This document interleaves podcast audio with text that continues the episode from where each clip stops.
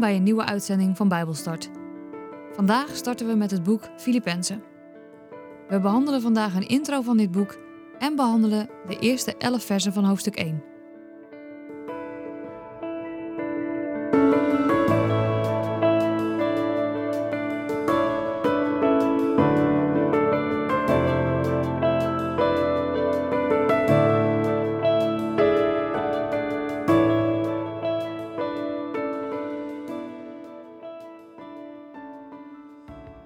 Ik lees met jullie Filippenzen 1 vanaf vers 1 tot en met 11.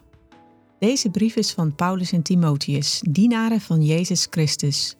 Wij doen de groeten aan alle mensen in Filippi die in Jezus Christus geloven en aan hun leiders. Ik bid dat God, die onze Vader is, in alles goed voor jullie zal zijn en dat jullie vol zullen zijn van de vrede van God de Vader en van de Heer Jezus Christus. Elke keer als ik aan jullie denk, dank ik mijn God.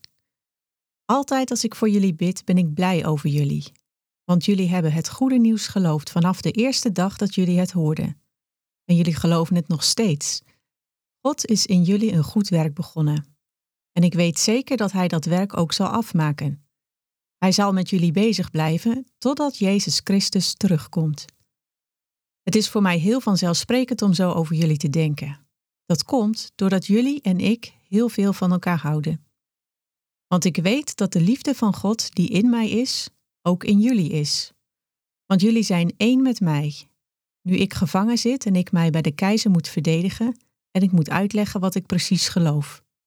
God weet dat ik er met de liefde van Christus naar verlang om jullie weer te zien. Ik bid dat jullie liefde aldoor zal blijven groeien. Want daardoor zal ook jullie wijsheid groeien. Dan zullen jullie de dingen van God steeds beter begrijpen. Jullie zullen steeds beter gaan zien welke dingen werkelijk belangrijk zijn. Daardoor zullen jullie zuiver en volmaakt zijn op de dag dat Christus terugkomt. Dan zal aan jullie te zien zijn hoe God jullie heeft veranderd sinds Hij jullie heeft vrijgesproken van schuld. En dat allemaal dankzij Jezus Christus. Daardoor zullen de mensen God eren en prijzen.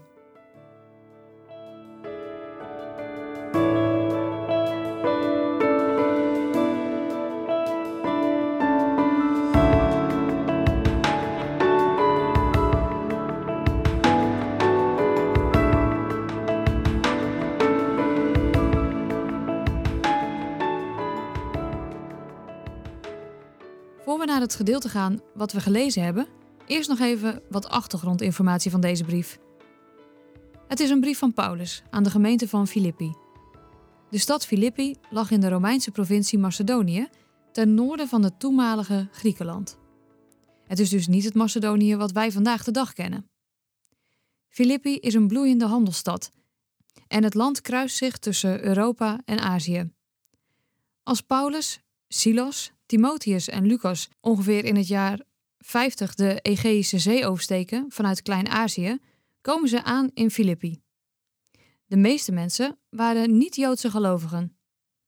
En omdat zij niet vertrouwd waren met het Oude Testament, haalt Paulus in deze brief dus ook niet heel veel oud-testamentische stukken aan.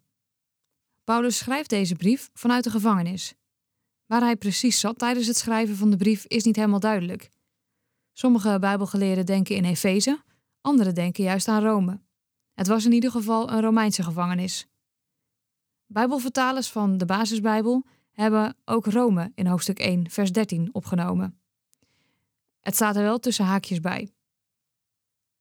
Ook wanneer de brief precies geschreven is, is niet helemaal duidelijk, maar men schat het ongeveer op 61 na Christus.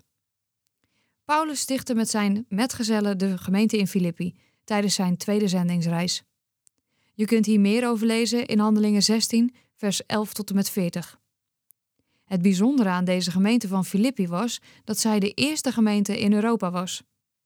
En deze gemeente had aan Epaphroditus, een van de leden, een gift gegeven voor Paulus. Hier lezen we over in hoofdstuk 4, vers 18. Maar Paulus zit dus in een Romeinse gevangenis en kan zelf niet naar Filippi reizen. Maar hij wil wel contact onderhouden met hen. En dat is dus zijn eerste reden van deze brief. De tweede reden van de brief is om de mensen in Filippi te bedanken voor het geld wat ze hebben gezonden. En dat is dan ook het begin van deze brief. al snel gaat hij over op een ander onderwerp, namelijk het feit dat hij in de gevangenis zit. Hij beschrijft zijn situatie. En hij prijst de Filippenzen voor de manier waarop zij met hun geloof omgaan. Hij wil de mensen aanmoedigen om dit vol te houden, ondanks dat Paulus niet langs kan komen. Hij moedigt ze aan om stand te houden als ze tegenstand ondervinden. Verderop in de brief vertelt hij ook nog dat hij zijn medewerkers, Timotheus en Epaphroditus, naar Filippi wil sturen. De eerste twee hoofdstukken zijn vriendelijk van toon.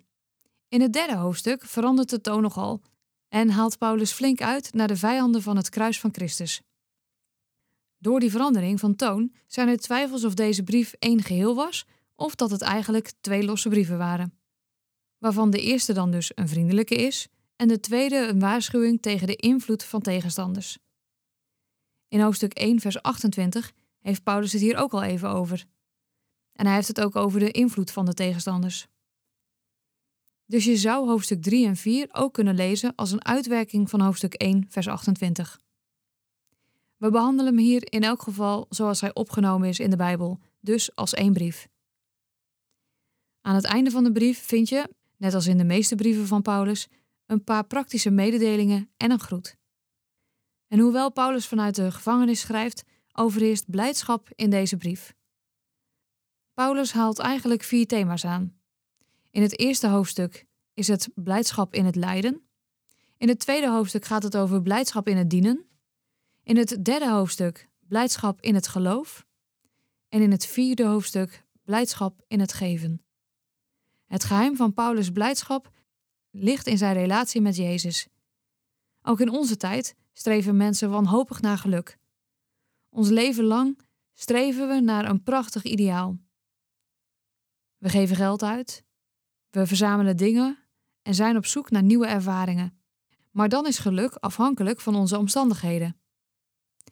Wat gebeurt er wanneer je speelgoed kapot gaat? Wat gebeurt er als mensen van wie we houden sterven?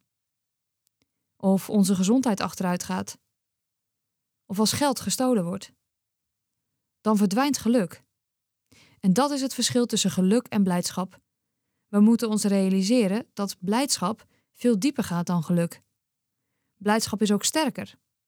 Het is een stil, zeker vertrouwen dat God van ons houdt en in ons leven aan het werk is.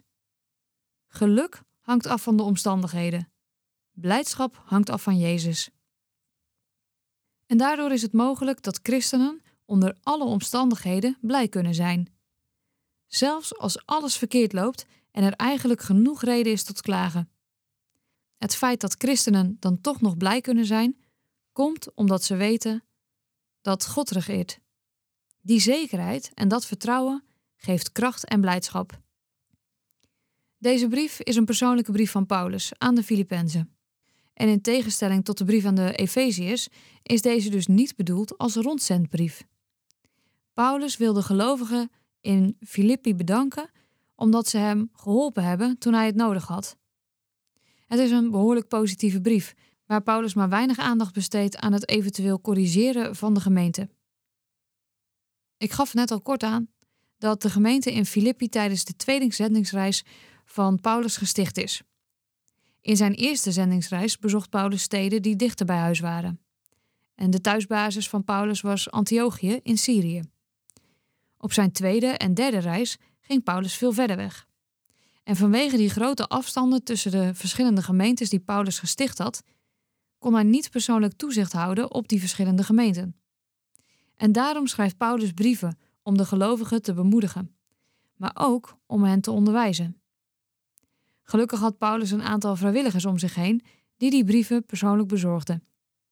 En deze vrijwilligers bleven dan vaak ook een tijdje bij de gemeente om hen op weg te helpen. In het eerste vers haalt Paulus dan ook Timotheus aan. Als we de brieven aan Timotheus gaan behandelen, zullen we ook verder uitdiepen wie hij precies is. Maar in het kort was Timotheus een van Paulus' naaste metgezellen. Met de leiders, die Paulus in vers 1 bedoelt, worden de oudste of de opzieners bedoeld. De eerste gemeente wordt geleid door leiders en diakenen. En de voorwaarden voor deze taak worden heel gedetailleerd beschreven in 1 Timotheus 3, vers 1 tot en met 7 en in Titus 1, vers 5 tot en met 9. En die gaan we nog een keer behandelen. Ook de vereisten en de voorwaarden voor diakenen zijn te vinden in 1 Timotheus 3. In vers 4 lezen we voor de eerste keer het woordje blijdschap in deze brief. De Filippenzen zijn een bron van vreugde voor Paulus. Want altijd als ik voor jullie bid, ben ik blij over jullie, zegt hij in vers 4. Die Filippenzen hadden het goede nieuws van Christus tien jaar geleden daarvoor gehoord.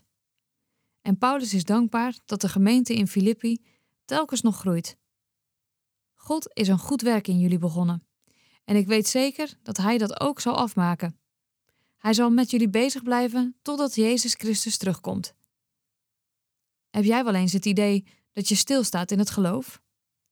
Dat je niet verder komt? Laat je dan deze morgen door deze woorden bemoedigen. Wanneer God met iets begint, maakt Hij het ook af. Net als bij de Filippenzen zal God in jouw leven werken en je helpen te groeien. En als jij de hoop verliest, bedenk dan dat God niet opgeeft. Hij belooft je dat hij zal afmaken waar hij aan begonnen is. En Paulus bidt dat de Filipijnse gemeente ook toe. Dat hun liefde aldoor zal blijven groeien. Paulus verlangt ernaar om die Filippenzen weer te zien. En die liefde en dat verlangen komen niet alleen maar door de ervaring uit het verleden, maar ook door de eenheid van alle gelovigen. En ik weet niet of je dit herkent, maar als je samenkomt met andere gelovigen, dan voel je die eenheid. En dat is ook waarom dat ik het bijvoorbeeld zo prachtig vind om voor te gaan in verschillende gemeenten. Want ook al ken ik die mensen niet persoonlijk, we hebben iets wat ons samenbindt. En dat is namelijk de eenheid in Jezus. En door die eenheid voel ik een diepe verbondenheid met de mensen in de gemeente waar ik spreek. Ik wens jou die eenheid en verbondenheid in Jezus toe.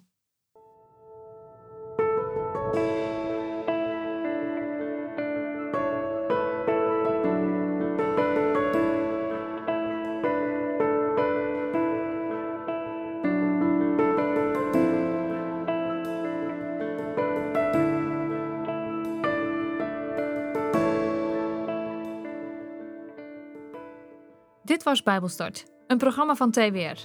Het is gebaseerd op het Amerikaanse programma Through the Bible, ook wel TTB genoemd. En deze uitzending is een samenvatting van twee afleveringen. Wil je meer weten? Ga dan naar ttb.org of ga naar twr.nl/bijbelstart.